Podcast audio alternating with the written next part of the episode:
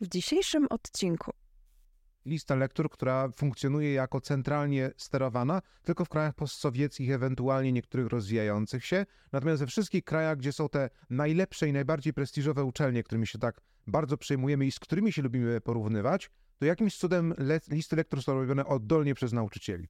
A ja wtedy mówię, no dobrze, ale ci rodzice też się gdzieś kształcili, tak? Gdzieś zobaczyli te wzorce, gdzieś się nauczyli pytać o ocenę dzieciaka, który wraca ze szkoły. Gdzieś się nauczyli, że pasek na świadectwie, gdzieś się nauczyli, że musi być 100%, a nie 99,7. Gdzieś się nauczyli również, że musi być to przejście ze szkoły na studia, co jest absolutną nieprawdą. Taka piękna anegdota, powtarzana przez doktora Mikołaja Marcele zresztą bardzo często E, co ma zrobić rodzic, jak usłyszy od dziecka, że opuściło się w matematyce, ponieważ chodzi na lekcję tenisa? Albo skomplikujemy rzecz jeszcze bardziej, żeby było kontrowersyjnie. Sporo generacji Z czy milenialsów zwalnia się z pracy, nie jest w stanie się zaklimatyzować w grupie, nie umie współpracować. No, no, no a to jest to właśnie ta rzecz, której się nie nauczą w mediach społecznościowych i w internecie. Ta jedna, że E, histeria środowiska nauczycielskiego w stosunku do obecnego ministra jest całkowicie bezpodstawna z bardzo prostego powodu. On nic nie zrobił. Sponsorem odcinka jest Open Nexus, twórca fundacji Kreatywni dla przyszłości. Witam serdecznie na kanale Świadomie Myśląc, y, na playliście Kreatywni dla przyszłości, tej dotyczącej szkolnictwa. Dziś moim gościem e, doktor nauk humanistycznych, wykładowca AGH w Krakowie, a także gościnie na Uniwersytecie Warszawskim. Główne zainteresowania krążą wokół gier, wideo, ale też e, wypowiada się na temat polskiego szkolnictwa. I właśnie w tym temacie dzisiaj zaprosiłem go. E, influencer i ma swój kanał na YouTubie Krzysztofem Maj. Witam Cię Krzysztofie bardzo serdecznie. Witam serdecznie i bardzo dziękuję za zaproszenie. E, a ja również e, bardzo tutaj e, żywo interesuję się tym, co publikujesz. Masz bardzo ciekawe przemyślenia. Są wyostrzone, że tak powiem, ale bardzo lubię takie osoby, które mówią to co, to, co uważają i mówią to w sposób taki mm, nie z przekąsem, ale stanowczym. I, i mam nadzieję, że taka będzie nasza dzisiejsza rozmowa. Może nie byłyby tak wyostrzone, gdybym w tym nie siedział. Wiesz, to myślę, że, że to na to wpływa. Jak widzę kolejne pokolenia studentów, które przychodzą i e, kolektywnie stanowią potwierdzenie niektórych z tych tez, którymi ja się też bardzo inspiruję, e, ludzi, którzy wypowiadają się na temat edukacji, konieczności jej reformy, no to tym bardziej wzbiera w człowieku sprzeciw i oburzenie z tytułu tego, że no de facto się nic nie zmienia. Poza tym przeciąganie bliny. Teraz, przepraszam, że już, już rozgaduję, ale widziałem dyskusję na temat arkuszy maturalnych, tak, że dyskutujemy na temat tego, że och, czy w jedną stronę, czy 100 pytań mniej, czy 100 pytań więcej, a moja odpowiedź jest taka, a może przemyślmy w ogóle, czy to ma sens jako, jako takie, jako założenie, prawda, matura, a nie przeciągajmy liny i będziemy w jednym roku wyrzucać z listy lektur Wojtyłę, ponieważ e, jest lewica, a w drugim roku będziemy wyrzucać z listy lektur e, Gombrowicza, ponieważ jest prawica. To nie ma sensu, tak? A tymczasem problemem jest znowu lista lektur, która funkcjonuje jako centralnie sterowana, tylko w krajach postsowieckich, ewentualnie niektórych rozwijających się. Natomiast we wszystkich krajach, gdzie są te najlepsze i najbardziej prestiżowe uczelnie, którymi się tak bardzo przejmujemy i z którymi się lubimy porównywać, to jakimś cudem le listy lektur są robione oddolnie przez nauczycieli, prawda? Więc te, tej oddolności mi strasznie brakuje, a mam wrażenie, że każdy nauczyciel chyba podpisałby się pod tezą, i akademicki, i, i, i średni, nazwijmy to, czy, czy nawet szkoleniowiec, który prowadzi szkolenia korepetytor, że jest niesamowicie duży poziom inercji środowiska, że sprzeciwiamy się wszystkiemu niby, nazywa się ładnie kynizmem, że w dyskusjach potrafimy mówić, tak, tak, to jest wszystko źle, a potem wracamy i robimy swoje, bo jest właśnie ta bezwładność bardzo duża i przekonanie, że w zasadzie cóż może jednostka zrobić. No i to, to powoduje emocje. E, tak, i to bardzo duże. Bardzo cieszę się, że te słowa brzmiały, dlatego że my generalnie przy, dążymy do tego, żeby doszło do zmiany e, systemu edukacji, ale chcielibyśmy bardzo, żeby to było oddolne. Oddolne zmiany, tak jak ja oddolnie zarządz, e, kieruję, zarządzam firmą turkusową. Chcielibyśmy poturkusowić świat i, i chcielibyśmy, żeby trochę turkusu zawitało również właśnie w naszym szkolnictwie, żeby te zmiany nie szły od góry. A powiedz mi, e, jedno z, już usłyszałem w tej pierwszej powiedzi, że jest to, że jesteś praktykiem e, i gdzieś tam boli cię, że, że nic się tutaj nie zmienia. A czy to jest twoje takie prawdziwe dlaczego. Też zajęło się tym tematem szkolnictwa i właśnie podejmuje się tej tematyki? Tak, tak, absolutnie. E, powiedziałbym nawet, że to wynika z pragmatyzmu. To znaczy, jeżeli teraz na przykład mierzę się z tym, żeby zrobić jakiś film o rywalizacji, ponieważ jeżeli rozmawiam ze 150 osobą, dosłownie, e, studencką, która przychodzi do mnie i mówi mi, że jest, jest problem, tak, bo się cały czas porównuje, że czuje się gorszy albo gorsza. I ja mówię, a, a dlaczego w zasadzie? I nie umieją mi na to dać odpowiedzi. Skąd w ogóle wzięła się ta potrzeba porównania? Albo jak przychodzi do mnie znowuż e, dowolna osoba i mówi, jestem beznadziejny albo beznadziejna. Ja jestem przerażony, bo mnie by nawet do głowy nie przyszło, e, żeby przyjść do nauczyciela, wykładowcy, tam ongiś, kiedy e, uczyłem się i coś takiego powiedzieć, więc czuję, że jakaś bariera została przełamana i, i kropla przelała czarę. Skoro ludzie już otwarcie komunikują, że mają się za nic. Więc e, to mnie bardzo motywuje do tego, żeby zajmować stanowisko i w zasadzie gdybym mógł, to nie dokumentowałbym tak tych filmów, jak staram się je dokumentować, że tam daję źródła, odsyłam i tak dalej, staram się, żeby to mimo tej powiedzmy wartości rozrywkowej, jaką ma, co mnie bardzo zdziwiło, szczerze powiedziawszy, miało też te merytoryczne, ale najchętniej tym się dzieje wyłącznie swoimi doświadczeniami. Dlatego też e, publikuję filmy nieregularnie, e, dlatego też są czasem takimi zrywami publikowane, bo nagle wychodzi jakiś temat, e, który nakłania mnie do przemyśleń. To jest też wyjaśnienie, dlaczego nigdy nie robię scenariuszy do filmów, bo gdyby to była jakaś przemyślana i przygotowana strategia, no to co innego, ale to raczej wynika właśnie cały czas z bieżącej działalności. Śmiałem się wiele razy do ludzi na live'ach, że gdybym, nie dajcie bogowie, przestał pracować na uniwersytecie, to w zasadzie od razu bym przeorientował kanał na streamingi z gier i robienie krytyki growej i nie zajmowałbym stanowiska w sprawach edukacji, no bo już nie byłbym częścią tego systemu, więc siłą rzeczy nie e, triggerowałyby mnie tak różne rzeczy, które e, spostrzegam. Więc zdecydowanie, gdyby nie to, to nie byłoby nawet powodu, żeby orientować tak kanał. Zresztą zawsze starałem się, żeby ta flagowa seria, która u mnie jest dla każdego coś przykrego, była nie tylko edukacja, ale także o kulturze. No ale wyszło, że finalnie jest tam więcej wypowiedzi na temat edukacji właśnie dlatego, że mam taki zawód, a nie inny. No właśnie, poruszyłeś y, fajny wątek, e, dość wrażliwy. My też na tym kanale to poruszaliśmy. Naszą, znaczy celem fundacji Kreatywnie dla Przyszłości i tak, tej playlisty jest to, żeby doszło do zmian w Polsce i doszło do zmiany eduk- systemu edukacji, ale na taki właśnie oddolny, który chociażby w Finlandii powstał w latach 80. On tam po 20 latach dopiero zaczął zbierać plony e, i zaczął przynosić jakieś efekty. E, nie musi to być oczywiście fiński, bo to będzie nasz, polski i jakby będzie wynikał z naszych wartości, z naszych przemyśleń. Jak coś jest oddolne, to nie będzie jeden do jeden. Tak jak nie ma dwóch turkusowych firm takich samych, tak nie powinno być dwóch systemów edukacji. Absolutnie. Natomiast klucz jest taki, żeby był właśnie oddolny, Natomiast poruszyłeś ważny wątek. E, poruszyłeś, e, jestem beznadziejna, beznadziejne, e, czy niskie poczucie wartości. Uważasz, że głównie szkoła, mm, czyli przechodzimy do takich wad obecnego modelu, że to on powoduje, że młodzi uczniowie, czy też już studenci czują się w jakiś sposób wypaleni i beznadziejni. Wiesz co, myślę, że synergia szkoły i rodziny, no bo ale z drugiej strony mówimy, bardzo często też środowisko nauczycielskie mówi, że tak, że problem tkwi w rodzinie. A ja wtedy mówię, no dobrze, ale ci rodzice też się gdzieś kształcili, tak? Gdzieś zobaczyli te wzorce, gdzieś się nauczyli pytać o ocenę dzieciaka, który wraca ze szkoły. Gdzieś się nauczyli, że pasek na świadectwie, gdzieś się nauczyli, że musi być 100%, a nie 99,7. Gdzieś się nauczyli również, że musi być to przejście ze szkoły na studia, co jest absolutną nieprawdą.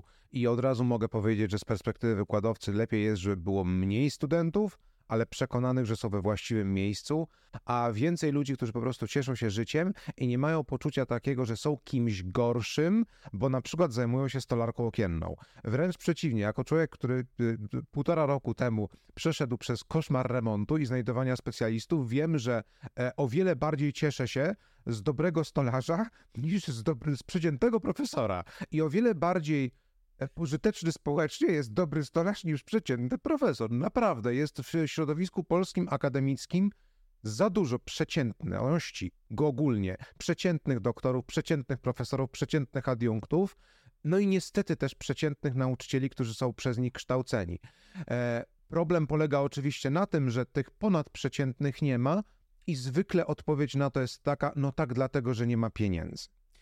Na co ja zazwyczaj odpowiadam następująco, to znaczy jest pewien problem, gdy widzę te same tendencje w szkole, na przykład na poziomie no, szkoły podstawowej czy liceum dzisiejszego i dokładnie takie same błędy dydaktyczne, no na przykład porównywanie agresywne ludzi najgorszych z najlepszymi wśród profesorów, którzy dostają 8 tysięcy na rękę. A zatem to nie jest kwestia pieniędzy, niestety, chociaż oczywiście jasne jest, że potrzebujemy nakładów na edukację wyższych, tylko że nakłady na edukację wyższe to jest jakby coś, na co my oddolnie mamy najmniejszy wpływ, niestety. Mamy na to wpływ przy urnie, jak głosujemy na kolejne rządy i kolejne partie. Natomiast nie mamy możliwości wywierania bezpośredniej presji. To jest też rola związków zawodowych, ale to, co możemy robić faktycznie, to to, żeby budować prestiż w trochę inny sposób. I odpowiadać na realne problemy środowiska nauczycielskiego, którym na przykład jest, myślę, że to znowu każdy nauczyciel się z tym zgodzi, absolutne przepracowanie. Tylko, że właśnie, jeżeli nauczyciel na przykład decyduje się na to, że będzie robić 17 kartkówek, dajmy na to w ciągu roku, gdy nie musi, no to można odpowiedzieć w bardzo brutalny sposób, przepracowuje się na własne życzenie. Jeżeli do tego zmusza go statut, i nic nie robi z tym statutem, nie zgłasza tego do Stowarzyszenia Umarłych Statutów, które robi interwencję w tej sprawie, żeby dbać o to, żeby statut szkolny był zgodny z ustawą, prawo o, o światowe i oczywiście też w przypadku uczelni prawo o szkolnictwie wyższym, to znowu jest sobie sam winien. Jeżeli nie skrzykuje się z całą Radą Pedagogiczną, żeby e, dać odpór dyrektorowi, który właśnie wywiera tego rodzaju presję, znowu nie do końca jesteśmy w stanie zrzucić to na kolejną ekipę rządzącą, kolejnego ministra i niskie płace. Więc tu jest właśnie ten problem, do którego cały czas wracam, inercji środowiska. To znaczy musimy zdać sobie sprawę z tego, że ta oddolna zmiana faktycznie, jak pięknie pisała Anna Schulz w swojej książce, zaczyna się przy tablicy i ja również na uczelni będąc zatrudniony, mogę powiedzieć, nie no tak, no ja przepraszam najmocniej, jest USOS, system stworzony, Uniwersytecki System Obsługi Studiów, gdzie mam kolumnę z wystawieniem cyferek. No ja nie mogę wystawić oceny opisowej, bo ja nie mam kolumny ocena opisowa. No przy czym ja wysyłam oceny opisowe studentom na privie, a cyferki wpisuję takie, jakie wpisuję i się wszyscy z tego śmiejemy, bo musimy. Można, można, prawda? Czy, e, stwarzam sobie problem? Tak, no, oczywiście, że stwarzam problem. Ciężko jest wystawić 83 oceny opisowe, na przykład jak się ma na wykładzie sporo ludzi, a przez to, że zajmuję się grami fantastyką, to w zasadzie jest to norma. Ale równocześnie mam takie poczucie, że e, robimy dzięki temu coś więcej. Miałem też takie doświadczenie na warsztacie niedawno, że no powiedzmy, że się średnio pracowało, grupa była mało zgrana. Było natomiast kilka osób, które odwaliły i to było widać wyraźnie e, robotę za całą resztę. Ja wprawdzie staram się właśnie pokazywać, że w ramach zarządzania turkusowego, poziomego, że powinniśmy się wzajemnie kontrolować, daję tego narzędzia, pracowaliśmy w skramie, pracę kontrolowaliśmy na Trello i tak dalej, i tak dalej, ale zawsze jest ten czynnik ludzki, zawsze jest parę osób, które się wyłamią.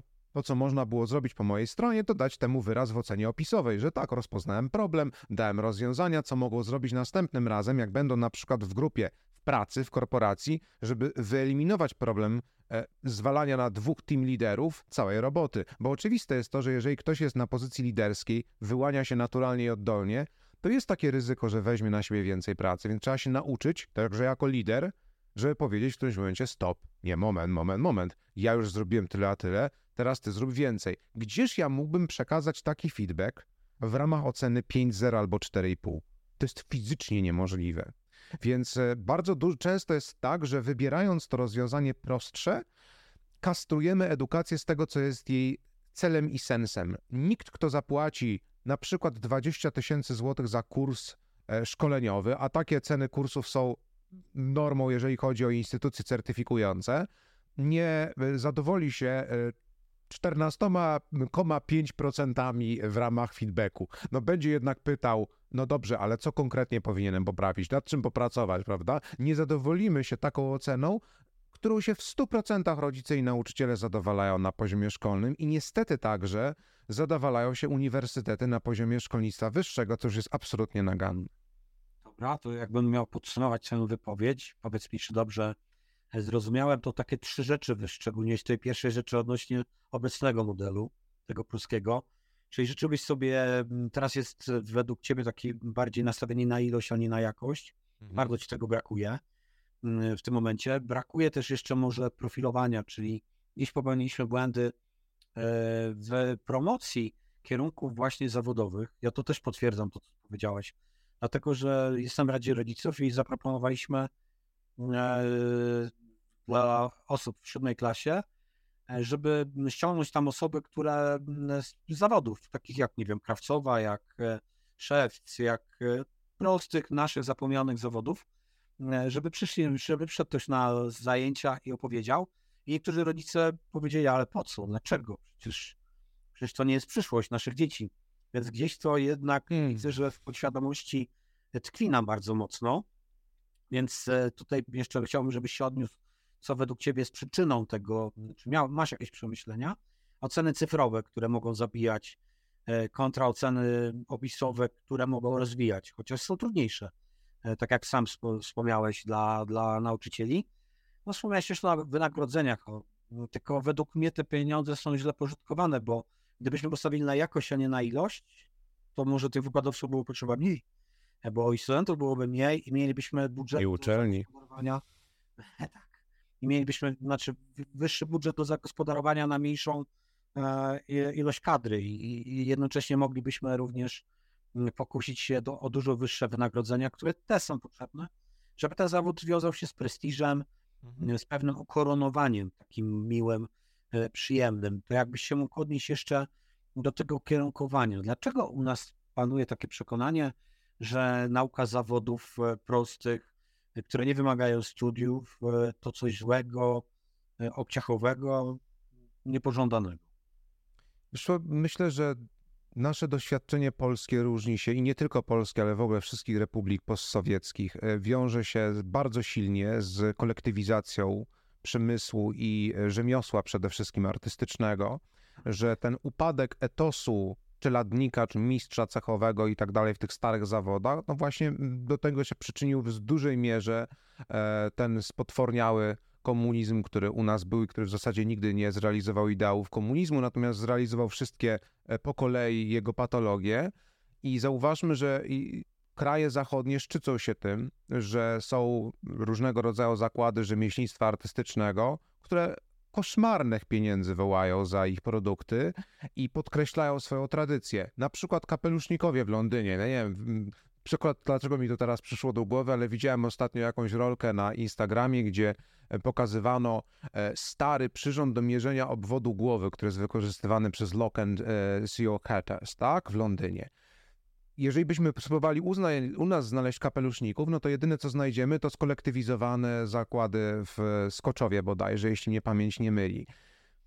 I tu jest mm, pewien problem spuścizny, na który nie mamy za bardzo wpływu. Z drugiej strony mamy historię ludzi, którzy właśnie zajęli się rzemiosłem, na przykład Tomasz Miller, który był tłumaczem przysięgłym e, i symultanicznym na konferencjach. Założył swoją firmę, w której oferuje usługi krawiectwa marmierowego, następnie założył garbarnię i jest w tej chwili bardzo dobrze prosperującym przedsiębiorcą o określonym już majątku, renomie i tak dalej, i tak dalej. I przypuszczam, że gdyby ktoś taki pojawił się w szkole, to mało który rodzic powiedziałby, że nie chciałby takiej kariery dla swojego dziecka. To jest właśnie kwestia pewnych wyobrażeń, które w nas zindukowała edukacja, e, ale nie tylko edukacja, bo także kultura i sztuka i utwory artystyczne i to wszystko, co my traktujemy jako oczywiste i ciężko nam później się z tym mm, w jakiś sposób rozbratać. A charakterystyczną rzeczą jest to, że jeżeli spojrzymy na kierunek rozwoju technologii, nawet na poziomie bardzo mnie bliskim chociażby, to znaczy sztucznej inteligencji, co do której nie spodziewałem się, że zacznie rugować artystów i pisarzy, a zaczyna. Myślałem, że to będzie ostatnie ogniwo, okazało się, że jest to pierwsze, to e, oczywiście możemy snuć czarne scenariusze, ale możemy też zobaczyć jasny scenariusz, który ja bardzo lubię. To znaczy, jeżeli w większym stopniu ludzi, którzy są, no właśnie, przeciętni, tak, będzie wyręczała w pracy sztuczna inteligencja, to będziemy potrzebowali ludzi ponadprzeciętnych. A zatem świetnej klasy rzemieślników, świetnej klasy specjalistów, a ja głęboko wierzę, że jeżeli ktoś kocha coś robić, to staje się świetnej klasy specjalistą, naprawdę niezależnie od tego, jaka to jest dyscyplina. To może być grafik 3D, e, ale to może być równocześnie szewc, albo to może być elektryk, to może być również profesor, ponieważ w tym momencie cała polska nauka jest skoncentrowana na tym, żeby mierzyć jakość dydaktyczną i jakość naukową kadry publikacjami. Więc jeżeli publikacje zacznie pisać przeciętne sztuczna inteligencja, to nagle się okaże, że żebyśmy rzeczywiście byli w stanie się w jakiś sposób od niej odróżnić, będziemy potrzebowali naukowców ponadprzeciętnych. Jest dokładnie to, co się stało z przemysłem. W momencie, w którym wprowadzono prace manufakturowe, nagle się okazało, że praca e, rąk własnych nieprawdopodobnie podrożała, ponieważ zostali wtedy tylko wysokiej klasy rzemieślnicy. A zatem wygląda na to, że będziemy potrzebowali po prostu teraz bardzo zróżnicowanego e, pod względem zawodów społeczeństwa. Natomiast fakt, że po pierwsze była ta kolektywizacja rzemiosła, po drugie niestety po latach 80. i 90. zaczęły podupadać technika, ponieważ wyłącznie licea ogólnokształcące się zaczęły liczyć, bo nowa matura, bo Handke, który wszystkim wmówił, że każdy powinien mieć studia, I nagle się okazuje, że mamy bardzo dysproporcjonalne kwalifikacje ludzi, to znaczy jest e, duży naddatek humanistów e, i osób na kierunkach, które były tworzone po to, żeby ładnie wyglądały w prospektach reklamowych, tak, te słynne europeistyki i zarządzania na uczelniach, ponieważ weszliśmy do Unii Europejskiej. A teraz nagle wychodzą jak grzyby po deszczu innego rodzaju studia, a wciąż zapomina się o tym, że potrzebujemy w tym momencie bardzo pilnie inżynierów. I mówię to ja jako humanista, który uwielbia swoją dziedzinę i uważa, że e, swoją drogą z inżynierami mi się najlepiej pracuje. E, I uważa, że każdy humanista powinien mieć kwalifikacje e, techniczne i odwrotnie, co nie zmienia faktu, że i ja widzę, że mamy absolutny niedobór inżynierów na wszelkich możliwych poziomach w kraju, także dlatego, że sporo z tychże inżynierów najlepszych idzie do najlepszych firm, które są za granicą. Więc kto zostaje u nas? No nie zostaje nikt, ponieważ w tym momencie jest tak, że na kierunki inżynieryjne idą, idą praktycznie najlepsi, e, są one wypełnione, jest mało miejsc, w związku z powyższym no, no nie ma komu zostać w Polsce. Tak, e, fajne tematy poruszyłeś. Przeszliśmy tak naprawdę e, właśnie płynnie między innymi do czata GTP, nie tylko, właśnie czy uważasz, że on już widzisz, że on będzie miał duże przełożenie na zmianę. E, dla mnie to jest ta właśnie czwarta rewolucja e, i po przemysłowej będzie to naprawdę umysłowa, więc, e, więc to będzie duży przewrót. Jeszcze nie wszyscy chyba mają tego świadomość, mhm. natomiast ja bym się zatrzymał i taki gorący apel w tym miejscu, bo bardzo dużo fajnych rzeczy poruszyłeś i może bym apel zaadresował, bo tu mamy też bardzo dużo rodziców na tym kanale żeby też szukać w dzieciach, jeżeli szkoła tego nie znajduje, bo powinna szkoła e, odnajdywać pasję, nie robi tego, to przynajmniej my nie pocinajmy dzieciom skrzydeł i jeżeli ktoś chce być, nie wiem, świetnym e, płytkarzem albo cieślą, albo kimkolwiek, e, to wspierajmy go w tym procesie, bądźmy ze swoimi dziećmi i kochajmy je takimi, jakimi są, nawet jeżeli wybierają zawód nie do końca prestiżowy, bo jak to, co fajnie podkreśliłeś, jak oni będą robili to z pasji, od serducha, to będą ponadprzeciętni i oni znajdą sobie miejsca nawet dynamicznie zmieniającym się świecie. Ale absolutnie jest taka piękna anegdota, powtarzana przez doktora Mikołaja Marcele zresztą bardzo często. E, co ma zrobić rodzic, jak usłyszy od dziecka, że opuściło się w matematyce, e, ponieważ chodzi na lekcję tenisa? Albo skomplikujemy rzecz jeszcze bardziej, żeby było kontrowersyjnie. Kształci się na esportowca i chce wygrywać w turnieju CSGO albo StarCrafta. E, więc e, mądry rodzic da kurs e, jakiś doszkalający ze sportu albo z tego tenisa ziemnego. Natomiast ten, który będzie postępował podług schematu, wyśle na korepetycję z matematyki. I teraz zastanówmy się, jak wiele osób wysłałoby na korepetycję z matematyki w takiej sytuacji, prawda? I bardzo dobrze by to uargumentowało, że królowa nauk, że konieczne, że przyda się, że nigdy nie wiadomo. Ale zatrzymajmy się przez moment i zastanówmy, e, czy właśnie to nie jest ten etap, kiedy podcinamy skrzydła. Bo e, ja pamiętam, jak postępowali moi rodzice ze mną, mającym w sobie nieprawdopodobny upór, żeby się kształcić pianistycznie dawali mi przestrzeń i powiedzieli: OK, chcesz, nie ma problemu, tu jest kurs. E, wysłali mnie do szkoły, ale w którymś momencie ja sam powiedziałem: Wiecie co, tyna nie jest dla mnie. Tego samego dnia wypisali mnie z prywatnej szkoły, w której się uczyłem e, fortepianu. Tego samego dnia. I dla mnie to jest modelowy przykład reakcji, tak? To znaczy, jeżeli ktoś chce się spróbować w jakiejś dziedzinie, dajmy mu na to szansę, bo do tej cholernej nauki matematyki i innych rzeczy, które są typowe, szkoła przymusi tak czy siak ale problem polega na tym, że dzisiaj brutalnie powiem 80% zawodów, z czego 100% zawodów, które dają duże pieniądze, to nie są takie, do których się przygotujemy w szkole. No, niestety. E, jeżeli chodzi o naukę programowania i tak dalej, są takie szkoły, które już tego próbują, ale to wciąż wymaga od nas nieprawdopodobnej pracy indywidualnej, bycia na bieżąco, sprawdzania, które akurat języki programowania teraz są chodliwe, które dadzą nam najwięcej. A może teraz było też tak, że dużo ludzi mówiło: O, naucz się projektować gry wideo bądź grafikiem 2D. No i w tym momencie wchodzi Midjourney, DALI i większość firm projektujących gry komputerowe ma bardzo prosty wybór. Albo zatrudnić dodatkowego grafika 2D, albo nie i skorzystać z takich algorytmów i pieniądze, które zaoszczędzą, przeznaczyć na grafika 3D, bo jeszcze nie ma algorytmów do kreowania dynamicznego i proceduralnego grafiki 3D. W związku z powyższym wszystkie rady zawodowe, jakie były dla uczniów rok temu, już są zdezaktualizowane, bo trzeba się kształcić do grafika 3D, bo graficy 3D w tej chwili zarabiają najwięcej. Za rok prawdopodobnie będzie jeszcze coś innego, więc to wymaga bardzo dynamicznego reagowania i ułożenie systemu szkolnego w taki sposób, właśnie systemowy, żeby do przedmioty, tak dalej, ustalone, podstawy programowe, jest bez sensu. Wobec tego, jak dynamicznie się to rozwija, nie, to by trzeba było właśnie powiedzieć, ok, jest zapotrzebowanie yy, i tak jak mówisz, ściągamy kogoś, kto się na tym zna, robimy jakiś fajny warsztat, może wokół tego rozbudujemy jakiś kurs, yy, oddolnie reagujemy. Dobra, to powiedziałeś też właśnie, jak, jak ta sztuczna inteligencja przyczynia się do, do kreowania nowych zawodów, do tego, mm, że będzie wypierała przeciętność, bo ją będzie po prostu zastępowała. Będziemy potrzebowali e, tak naprawdę ponadprzeciętnych ludzi w danych obszarach, którzy się utrzymają. No to jak to będzie miało, jaki będzie miał wpływ na naszą edukację? Uważa, że to wywali w kosmos w końcu pruski model? Może jeżeli politycy nie dadzą rady, to, to może sztuczna da. Powiem tak, to znaczy mój sceptycyzm jest gigantyczny, bo jestem z rodziny nauczycielskiej i profesorskiej, wielopokoleniowej i mój dziadek e, lata temu e, mówił dokładnie to samo, co moja mama lata temu i to samo, co ja. Różnica polega na tym, że dziadek wypalił się, jak miał 70 lat, mama miała 50, a ja wypaliłem się, miałem 30. To jest jedyna różnica. Natomiast problemy, które poruszaliśmy, są dokładnie takie same. To znaczy, ja mógłbym po prostu zrobić copy-paste tego, co mówił mój dziadek, tylko że mój dziadek jeszcze ostrzegał, że Handke jest kretynem i doprowadzić do ruiny edukacyjnej w Polsce, bo się zainspirował testami zamkniętymi wyboru ze Stanów i stwierdził, że e, wprowadzenie na przykład przedmiotu pod tytułem ścieżka edukacyjna e, sprawi, że ludzie zaczną myśleć komparatystycznie i porównywać ze sobą różne dziedziny, a nie, nie tak, że wprują sobie, ok, to w takim razie to się łączy z tym. Dokładnie to tego, to widziałem, tego skutki, jak mieliśmy podręcznik do polskiego, to było piękne, który właśnie pokazywał, jak porównać e, Sienkiewicza z barokiem. No i co ludzie powiedzieli? No, no jasna sprawa, że Sienkiewicz jest, jest poetą barokowym, nie? No, 80% ludzi sobie to wbiło, bo w podręczniku sąsiadował z paskiem.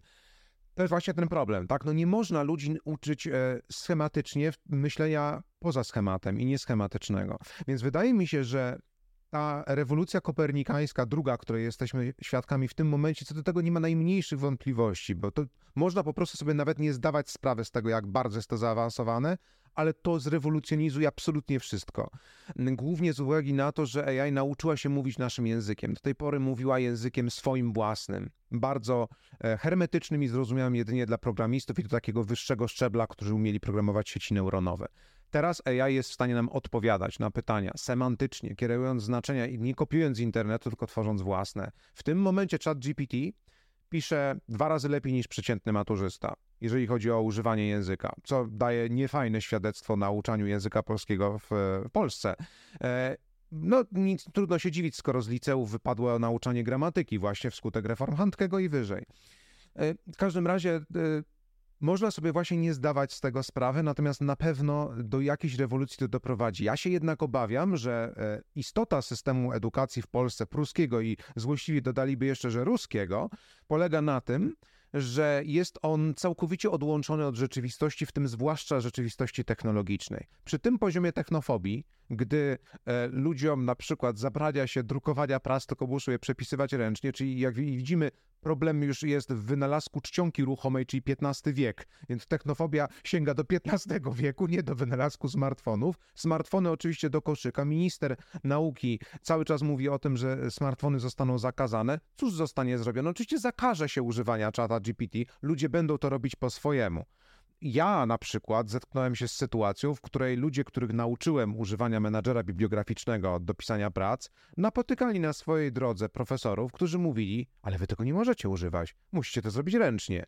No i ja potem im powiedziałem, ok, to w takim razie przekonwertujcie wszystkie pola aktywne na pola tekstowe, statyczne i oddajcie tak pracę bo ewidentnie problem tutaj tkwi nie w metodzie, tylko właśnie w technofobii.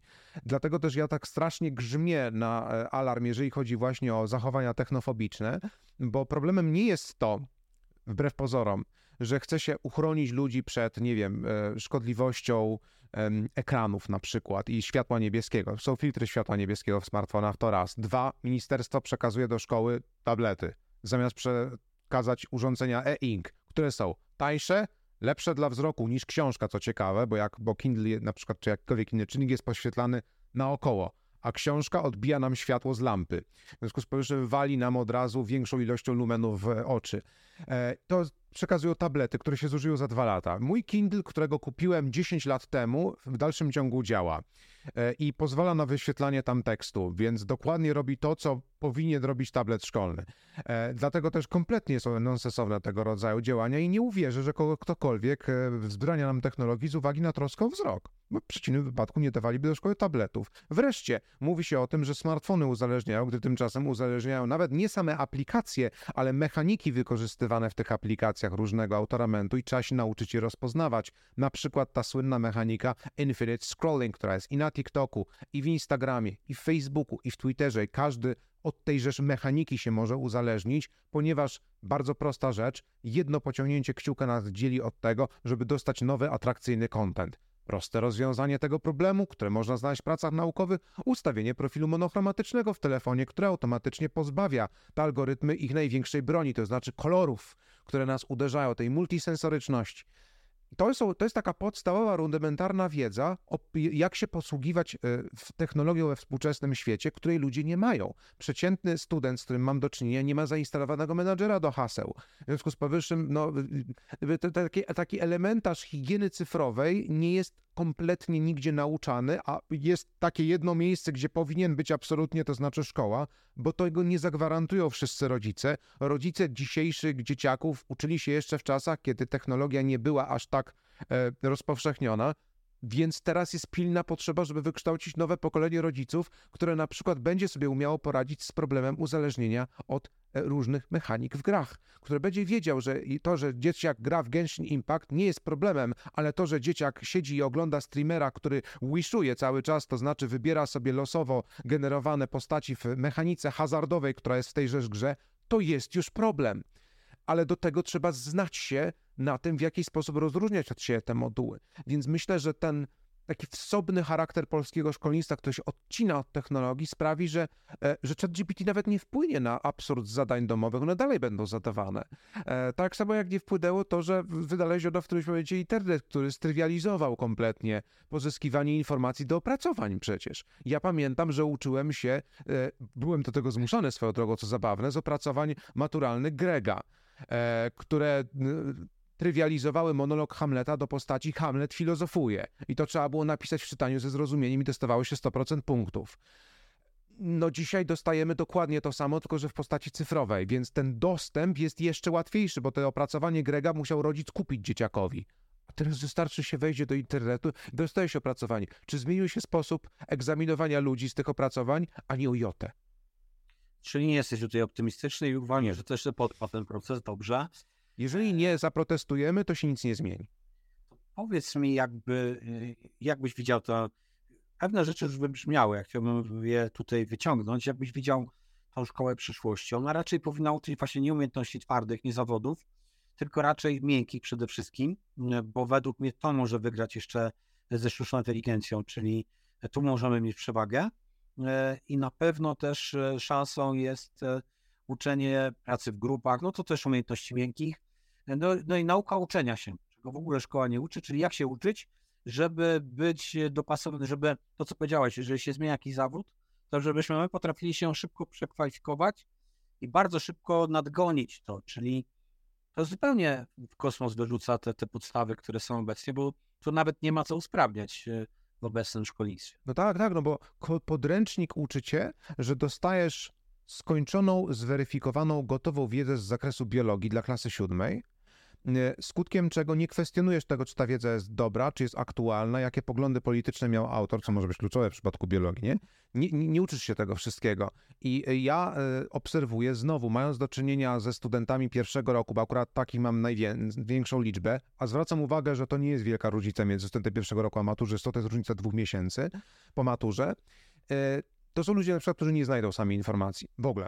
Mm, ale absolutnie i to nie jest ich wina, to znaczy zwykle wygląda to w ten sposób, że e, nie wpadną na pomysł, żeby sprawdzić w Google chociażby najprostszy sposób e, jakąkolwiek informację, której szukają. Czekają, aż ktoś się poda. Albo zweryfikować, czy ona jest prawdziwa. Weryfikacji to już w ogóle nawet nie mówię, bo to, co jest w Google, to jest prawdą, słuchaj. To, to jest skończona prawda, a jeżeli coś jest napisane przez naukowca, to już w ogóle to jest stuprocentowa prawda. Nie ma czegoś takiego jak błędy naukowe, nie ma czegoś takiego jak wycofane teksty z czasopism naukowych albo błędy metodologiczne w tekście naukowym. Wystarczy spróbować zaangażować się w dowolną dyskusję na Twitterze i zobaczcie, jak ktoś przywołuje tekst naukowy i wskazać błędy metodologiczne w tym tekście. Nikt na to nie zareaguje. Natomiast wszyscy zareagują, o tak, tak, ten przywołał tekst naukowy, dyskusja jest skończona, bo przyzwyczailiśmy się, że przywołanie źródła naukowego kończy dyskusję, a nie ją rozpoczyna. To jest właśnie to, co robi szkoła. Podręcznik ma kończyć dyskusję, tak, a nie rozpoczynać dyskusję. Mój genialny historyk w e, gimnazjum bodajże, tak, e, doktor Marcin Spurna, pozdrawiam serdecznie, jak słucha, miał z nami taki zwyczaj, że kreśliliśmy pod podręczniku nowej ery i wskazywaliśmy błędy historyczne i językowe, i gramatyczne, e, bo było tego sporo, bo podręczniki są w Polsce w katastrofalnym stanie. To, to nas nauczyło o wiele więcej na temat tego, czym jest historia, jak to czytać, jak weryfikować, niż cokolwiek w tym podręczniku kiepską polszczyzną napisanym. A i tak potem się okazało, że to samo wydawnictwo e, wy, wypuściło kompendium maturalne i wszyscy się z tego kompendium maturalnego e, uczyli, a kompendium to maturalne sprowadzało cały proces historyczny i myślenie historyczne do data wydarzeń, data wydarzeń, data wydarzeń. Koszmar absolutny. Więc to długo, długo już, długo już się to za nami ciągnie. Co, jak, jak sobie z tym radzić? No, no, szkoła skandynawska przez ciebie przywołana to szkoła projektowa, tak? Znaczy tam e, zajęcia, które polegają na tym, że nie wiem, czy dzisiaj się uczymy szyć dziurę w spodniach, nie, nie są ośmieszane przez nikogo. Natomiast na, w naszych realiach byłyby już, no, nie od tego jest szkoła. No tymczasem okazuje się, że przy tym e, zalewie informacji, które możemy znaleźć w sieci, szkoła nie jest tym miejscem, do którego idziemy po to, żeby się czegoś dowiedzieć i szkoła powinna być tym miejscem, które nas tego nauczy. Że właśnie szkoła nie jest tym miejscem, gdzie idziemy, żeby się czegoś dowiedzieć, tylko jest pewnym punktem wyjścia dla nas do naszych własnych poszukiwań i daje nam właśnie te umiejętności miękkie, wyszukiwanie informacji krytyczne, wyszukiwanie informacji, interpretowanie, e, analiza danych, wyszukiwanie fake newsów, no to po stronie takich umiejętności abstrakcyjnych, a po stronie umiejętności praktycznych, e, wszelkiego rodzaju, począwszy od prac manualnych, E, skończywszy na różnych umiejętnościach, które można mieć, na przykład nie wiem, umiejętność gry na jakimś instrumencie, który ktoś chce, też jest fajna, tylko że w szkole zostało to sprowadzone do tego, że wszyscy dmą w plastikowe flety, czegoś nie da wytrzymać, bo flety są najtańsze. A są najtańsze dlatego, że no, zapewnia się nam taki surogat muzyki, zamiast, żeby była porządnie wyposażona sala, tak w koledżu amerykańskim, gdzie idziemy i ktoś chce grać na kontrabasie, proszę bardzo, tutaj jest kółko kontrabasu, prawda? I to nie mówimy o szkołach prywatnych, żeby nie było, to jest także w szkołach finansowanych z budżetu federalnego. Więc to się da zrobić. Po prostu trzeba przestać udawać, że mm, nakłady na naukę są mniej pilne niż nakłady na obronność, na ekonomię, na gospodarkę, na banki itd., itd., itd. I w momencie, w którym przestaniemy tak udawać, to będzie nam łatwiej to realizować. I równocześnie praca w grupach, o której wspomniałeś, to było coś, czego ja nienawidziłem, bo to było robione w sposób sztuczny i nienaturalny, tak? To znaczy wyglądało to tak, że jedna osoba robiła wszystko za innych e, i potem jeszcze referowała i najczęściej referowała ta sama osoba, ale nikt nas nie nauczył jak pracować w grupie. To był ten paradoks, praca w grupie to były te fajne zajęcia z polskiego, na których można sobie czegoś się napić i zjeść, bo na innych oczywiście nie wolno było. Mm, I, i pogadać sobie ze sobą. No a potem coś tam damy nauczycielowi, to nieważne. E, ale nikt nie nauczył współpracy i pracy w grupie, i potem jest korporacja dowolna, no większość ludzi będzie pracowała w miejscach, w których jest jakaś praca grupowa e, wymagana i, i nagle nie wiemy, jak to zrobić. I, I, ludzie teraz się dziwią, że sporo generacji Z czy milenialsów zwalnia się z pracy, nie jest w stanie się zaklimatyzować w grupie, nie umie współpracować. No, no, no a to jest to właśnie ta rzecz, której się nie nauczą w mediach społecznościowych i w internecie. Ta jedna. Tak, a najważniejsza też jakby patrzymy z perspektywy cały turkus opiera się na oddolnych inicjatywach i często pracach projektach w grupach. I my się tego bardzo długo uczyliśmy. Uczyliśmy się, że są różne kolory osobowości. Trzeba dobrać do zespołu każdy kolor, żeby ten zespół mógł w pełni wykorzystać potencjał e, zespołu, żeby stworzył coś nowego. E, no. Że nie, jak się dobierzemy wszyscy, e, wszyscy o podobnych kolorach, to będziemy sobie tylko, będziemy się klepać po ramieniu, będziemy się świetnie rozumieć, tylko co z tego, jak nie, nie dodamy żadnej wartości dodanej. Jeszcze podam Ci konkretny przykład z mojego seminarium dyplomowego. Prowadzę seminarium dyplomowe głównie z analizy gier wideo kulturoznawczej. Ja nie miałem zielonego pojęcia, w jaki sposób zacytować grę. Dyskutowaliśmy o tym z kolegami, doktorami, profesorami na całym świecie. Byłem na parunastu konferencjach międzynarodowych, gdzie to było tematem numer jeden. I ludzie y, ustanowili taki konsensus, że okej, okay, to musimy znaleźć jakiś let's play, który jest na YouTubie, tam zacytować minutę daną z gry, znaleźć to, no bo przecież albo możemy sami wrzucić swoją własną rozgrywkę. A moi studenci przytomnie mówią, screenshot. Ja mam, mam tak, no, faktycznie, tak jest to o wiele prostsze rozwiązanie, lepsze a następna grupa mówi, ale screenshot to jest za mało. Opiszmy, co jest na tym screenshocie. Zanalizujmy, co jest interfejsem, co się dzieje na drugim planie, może jest tam jakiś dialog, może przepiszmy ten dialog, zróbmy legendę i oznaczmy numerami e, elementy. Ja mamy takie, Jezus, faktycznie. A trzecia grupa przychodzi i mówi, ale Krzysztof, słuchaj, przecież moglibyśmy jeszcze tutaj coś, coś zaznaczyć. Narysujmy coś na tym, tak? Że tu jest jakiś na przykład obrys mapy, to obrysujmy tę mapę, żeby widać było, że to jest jeszcze jakiś input oddolny właśnie po stronie kogoś, kto analizuje. I ja miałem znowu trzecią eurekę i teraz zgłosiłem artykuł do przestrzeni teorii, nie, do Images, przepraszam, do jednego z czasopism y, poświęconych analizie audiowizualnej, gdzie dokładnie tak zrealizowałem screenshoty i dostałem opinię od recenzenta, że on w życiu czegoś takiego nie widział, że to jest genialne pomysł moich studentów. Gdybym realizował seminarium dyplomowe tak jak moi koledzy, to znaczy rozdał teksty i je czytał, je ćwiczył warsztatowo właśnie, jak pisać pracy, jak analizować, jak się tym zajmować, to mój warsztat naukowy nie zostałby przez studentów udoskonalony.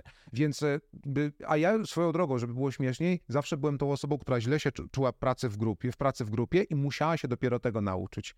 Więc e, to naprawdę działa i to jest akurat coś, co działa na każdym poziomie, bo bardzo często można im niżej w edukacji, tym więcej elementów zabawy i gry włączyć e, w, to nas, w tę naszą pracę projektową i korzystać z mm, potęgi, jaką jest nauczanie imersywne, immersive learning. Jak ktoś jest zanurzony w grze, chłonie informacji, nawet nie wie kiedy. Więc y, można dokładnie z tego skorzystać, tylko że w procesie edukacyjnym. Ale to jest też znowu coś, co wymaga określonych nakładów finansowych, choć powiedziałbym, że akurat najmniejszych. Ja do dzisiaj nie rozumiem, dlaczego na uczelniach, w nowo e, tworzonych salach i w nowo budowanych, e, bardzo drogich często szkołach prywatnych są dalej te pruskie ławy szkolne, prawda? Zamiast, żeby były stoły warsztatowe albo, nie wiem, pufy, stoły, cokolwiek. Z jakiegoś powodu wiemy, że jak robimy kawiarnię, to nie fajne byłaby kawiarnie, gdzie były takie stoły, a z drugiej strony, jak e, robimy szkołę, to się nie zastanawiamy nad tym, że może fajnie byłoby ją urządzić przytulnie i tak, żeby to inspirowało właśnie do pracy twórczej. Język polski, no to niech tam będzie biblioteka. Nie robimy osobnej szko biblioteki szkolnej, tylko robimy bibliotekę w sali, gdzie jest nauczanie języka polskiego, żeby ludzie poczuli się, jak to jest być otoczonym książkami. Ja tutaj w tym moim, e, e, w tym moim małym studiu mam wszędzie wokół siebie książki i tutaj nie bez powodu, jak siadam, to mi się tutaj najlepiej czyta. A gdybym sobie siadł przed e, ekranem dużym, 65-calowym, na którym sobie lubię oglądać seriale, no bo tę książkę prędzej czy później odłożył i sobie włączył serial. No taka jest prawda, że przestrzeń na nas wpływa, e, jaka wokół nas jest kształtowana e, i dlatego też mega ważne jest to, żebyśmy się inspirowali tym, jak w korporacjach bardzo poważnych, gdzie zarabiać poważne pieniądze, jest gaming room. Albo jest jakiś pokój, w którym po prostu można się rozerwać, a nawet jak nie ma, to już dawno rezygnuje się z kubików i wprowadza się właśnie jakieś elementy. Ja byłem w bardzo tradycyjnej korporacji, zatrudniony w moim pierwszym zawodzie i nawet tam, mimo że był open space, były pufy, były jakieś pufy sako, były sofy, na których można było sobie siąść, ta przestrzeń była jakoś zdynamizowana. Mhm. Czyli jakby potrzebujemy zupełnie nowego spojrzenia na, na wymiar edukacji, e, żeby właśnie kształcić w młodych ludziach raz, że pracy zespołowej z tego wnioskuję i potwierdzam, że trzeba się nauczyć. Po prostu z tym się nie rodzimy. I też nie był to mój naj, najmocniejszy punkt, a, a uważam, że ona czyni cuda, ta praca zespołowa. E, to jest, to jest pierwsza rzecz. I każdy musi po prostu wiedzieć, jaka jest, jakie ma e, mocne strony, gdzie może do tego zespołu wnieść e, swoją cząstkę. I tego powinna uczyć szkoła. Zgodzimy się, prawda? Absolutnie. I jak najwięcej umiejętności miękkich, kreatywnych. I teraz zadałbym hipotezę, bo wspomniałeś o budżecie, który jest dosyć ważny. Ja uważam, że nawet te pieniądze, jakbyśmy wykorzystali lepiej, wydając, efektywniej, mm, to, to i tak by było lepiej, tylko że z drugiej strony miałem, miałem opublikowany teraz wywiad mm, właśnie e, z e, uczniem, niedawno skończył e, właśnie liceum i powiedział, że państwowe pieniądze nigdy nie będą wydane dobrze. Muszę, muszę się zgodzić. Natomiast, Prawda. natomiast to, co się gdzieś tam nam rysuje, to według mnie nie ma ważniejszego, tylko widzisz, tu jest za duży przeskok. Ja, ja uważam, że ordynacja polityczna powoduje, że dążymy do populizmu, a żadna partia polityczna nie będzie się wzorowała na czymś, co przyniesie efekty za nie wiem, 20 lat. No bo mhm. dobra reforma edukacji przyniesie efekty za 20 lat, więc jakby tej partii już prawdopodobnie nie będzie. Jakby mhm. szansa na to, że ona będzie w takim formacie jest prawie żadna, albo że będzie przy władzy jeszcze przez te 20 lat, e, to również niezbyt duża szansa. E, w związku z tym jesteśmy chyba trochę skazani na, na taką bezradność w tym momencie i ten stan inercji. Zastanawiam się, co może być takim impulsem do zmian. E, właśnie jak to zrobić, jak się przyczynić, jak zaktywizować ludzi, żeby, żeby te zmiany odbyły się wcześniej. Bo to, że one są nas konieczne, to ja w ogóle nie mam wątpliwości. Ja prawdopodobnie prędzej czy później e, porzucę moją pracę zawodową i zajmę się jakby na rzecz fundacji w 100% jakby mm, będę się angażował, bo mam taką potrzebę wewnętrzną i czuję od serducha że powinienem się tym zająć, że chciałbym coś zrobić w życiu e, takiego, co, co może, nie wiem, czy mi się jego włącza, być może. Natomiast chciałbym zostawić coś takiego właśnie nie, niematerialnego, coś, co faktycznie mm -hmm. może mhm. wpłynąć na. I uważam, że nic bardziej, nic bardziej na gospodarkę naszą nie może wpłynąć, na innowacyjność tej gospodarki, na to, że będziemy niezależnym państwem, jak e, właśnie dobra edukacja. Nie wiem, czy to jest takie trudne do, do zrozumienia, znaczy wiesz, no, w kraju, w którym jest y, nakłady na edukację, ja się bardzo, bardzo teraz będę narażał, są niższe niż nakłady na armię, to, to tak będzie zawsze. E, gdy tymczasem Stany Zjednoczone dawno temu zrozumiały, że nakłady na naukę, dobre nakłady na naukę mogą też się przełożyć na świetną, prosperującą armię. Nie bez powodu teraz musimy kupować od rzeczonej armii amerykańskiej ich rozwiązania technologiczne, których myśmy nie wyprodukowali, choć mogliśmy, bo potencjał zbrojeniowca polskiej jest i to zresztą widać po e, niektórych e, rozwiązaniach, które byliśmy w stanie zrobić mimo takich, a nie innych nakładów, które są u nas na naukę i innowacyjność. To jest akurat dla mnie bardzo bliska sprawa, bo po pierwsze właśnie większość osób z mojej rodziny właśnie yy, naukowców to byli naukowcy segmentu technicznego e, i no, Akademia Górniczo-Hutnicza też nie kryje się z tym, że bardzo wiele rozwiązań, które są wypracowane przez ich naukowców, czy naszych naukowców, e, to, to są rozwiązania komercyjne, wdrażane w przemyśle w różnych jego gałęziach ale wszyscy absolutnie są zgodni co do tego, że tego się nie da robić bez gigantycznych pieniędzy i gigantycznego wzrostu nakładów na edukację, więc to jest ta presja polityczna, którą można mieć, no bo w tym momencie to są działania pozorowane. No przecież umówmy się, że e, histeria środowiska nauczycielskiego w stosunku do obecnego ministra jest całkowicie bezpodstawna z bardzo prostego powodu. On nic nie zrobił czy dosłownie ten człowiek zaraz kończy kadencję i nie ma jednego osiągnięcia, które by po sobie właśnie pozostawił, co ciekawe. Poza wprowadzeniem idiotycznego i niepotrzebnego, archaicznego przedmiotu, jakim jest historia i teraźniejszość, muszę powiedzieć, że jest sztuką wprowadzić przedmiot, który jest, nazywa się historia i teraźniejszość, który byłby archaiczny. E, I poza tym nie zrobił nic.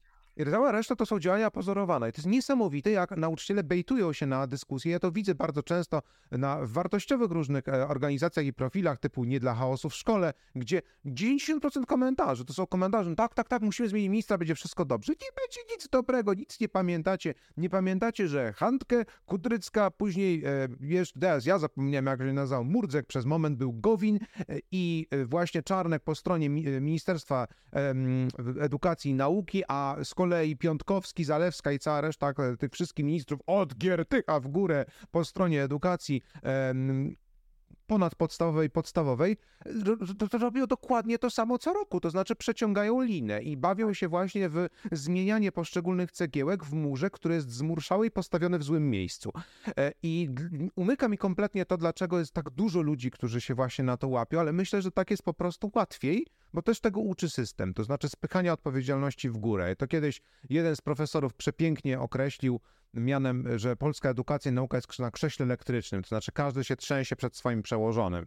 Nauczyciel się trzęsie przed dyrektorem, dyrektor przed kuratorem, kurator przed ministrem, po stronie edukacji wyższej wiedzie, że student przed docentem, docent przed doktorem, doktor przed profesorem, to jest dłuższa hierarchia, więc można byłoby przejść przez wszystkich dziekanów i rektorów aż do e, konferencji rektorów akademickich szkół polskich i jeszcze do samego ministra w górę. Tak, ta ja struktura strachu jest straszna. Ja bym to rozszerzył, bo uczeń przed nauczycielem oczywiście jeszcze. To tak, tak. E, e, znaczy, jeszcze dodatkowo bym rodzica w to włączył, przed którym... No tak, tak, przed radą pedagogiczną. Przed, no, no. A rodzic, przed wiadówką, przed nauczycielem to jest jakby tak. zapętlanie się tego tak, i my się tego uczymy po prostu i w którymś momencie dochodzimy do wniosku, no tak, tak, no ten człowiek, który jest wyżej nad nami ma władzę. Wiesz, ile razy usłyszałem od ludzi, że powinienem być ministrem edukacji, jak się za każdym razem obśmiałem i powiedziałem, naprawdę uważacie, że on to cokolwiek by zmieniło? Po pierwsze, po dwóch tygodniach miałbym już depresję kliniczną, e, po raz drugi w życiu przechodzoną, a e, po miesiącu wszyscy by mi pisali w mediach, że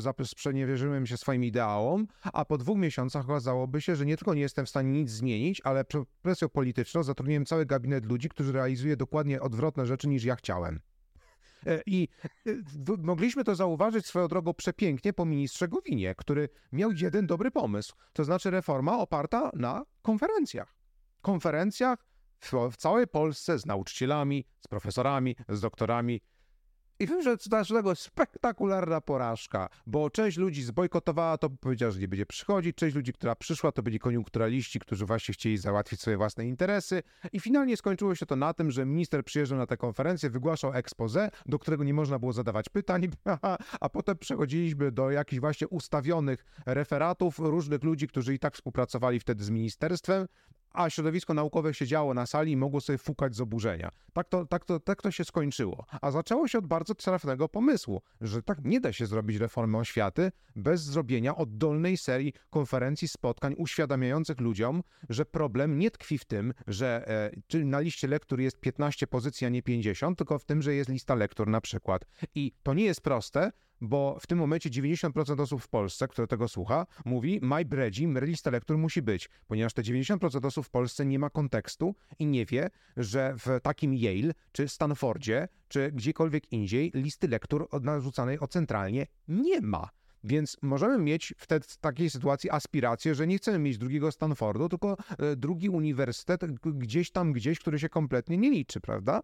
E, I nie przeszkadza nam to, że mamy oczekiwania, e, brzydko mówiąc, schizofreniczne, że z jednej strony chcemy być tym drugim Stanfordem, a z drugiej strony realizujemy wytyczne edukacyjne, które są dokładnie wbrew temu, jak wyglądają zachodnie uczelnie pomijając jeden element w, w, obszarze, którego górujemy, to znaczy u nas edukacja jest bezpłatna przynajmniej e, i to i chwała Bogom, e, natomiast problem polega na tym, że na tamtych uczelniach wchodzi lobbying i wchodzą innego rodzaju metody nacisku, natomiast sama atmosfera studiowania czy uczenia się jest drastycznie inna. E, i, i to jest coś, nad czym powinniśmy bezwzględnie popracować, tylko że tak jak mówię, to musi być uświadomienie, bo jeżeli 19 nauczycieli ze 100 będzie nieprzekonanych w 100% i będzie działało na rzecz tego, żeby było tak, było, tylko żeby były wyższe płace, a 80 nauczycieli, wiecie, tak, no, że było 70, powiedzmy 60, że no to tak, tak może, może to jest racja, ale częściowo to nic nie zrobimy. Znaczy, musi być 80% ludzi przekonanych, że jest źle i trzeba to zmienić radykalnie, ewentualnie 20%, że tutaj, tutaj pewne ustępstwa czy coś, tak? A w tym momencie struktura, ta procentowa jest zupełnie inna. To znaczy, jest mniejszość ludzi, która jest e, po stronie radykalnej, nie właśnie nie reformy w zasadzie, tylko przeorganizowania kompletnego struktury myślenia o edukacji, finansowania jej organizacji, nauczania i przede wszystkim dostosowania do realiów cyfrowych bo to, to jest ta, ta, ten największy problem. W tym momencie paradoks polega na tym, że administracja państwowa jest lepiej przystosowana do realiów cyfrowych niż szkoła. Mnie to przeraża. To znaczy, w administracji państwowej jestem w stanie, założyłem firmę bez wychodzenia z domu jestem w stanie rozliczać się bez wychodzenia z domu, i teraz dowód cyfrowy mogę go wykorzystywać absolutnie wszędzie na telefonie. E, a w szkole wciąż musiałbym mieć legitymację fizyczną na przykład, albo jak na uniwersytecie dawałem legitymację do e, pudełeczka, żeby wypożyczyć książkę. E, I to w dalszym ciągu jest na uczelniach. Są legitymacje, ale faktycznie nie, nie wszystkie O, to dobrze.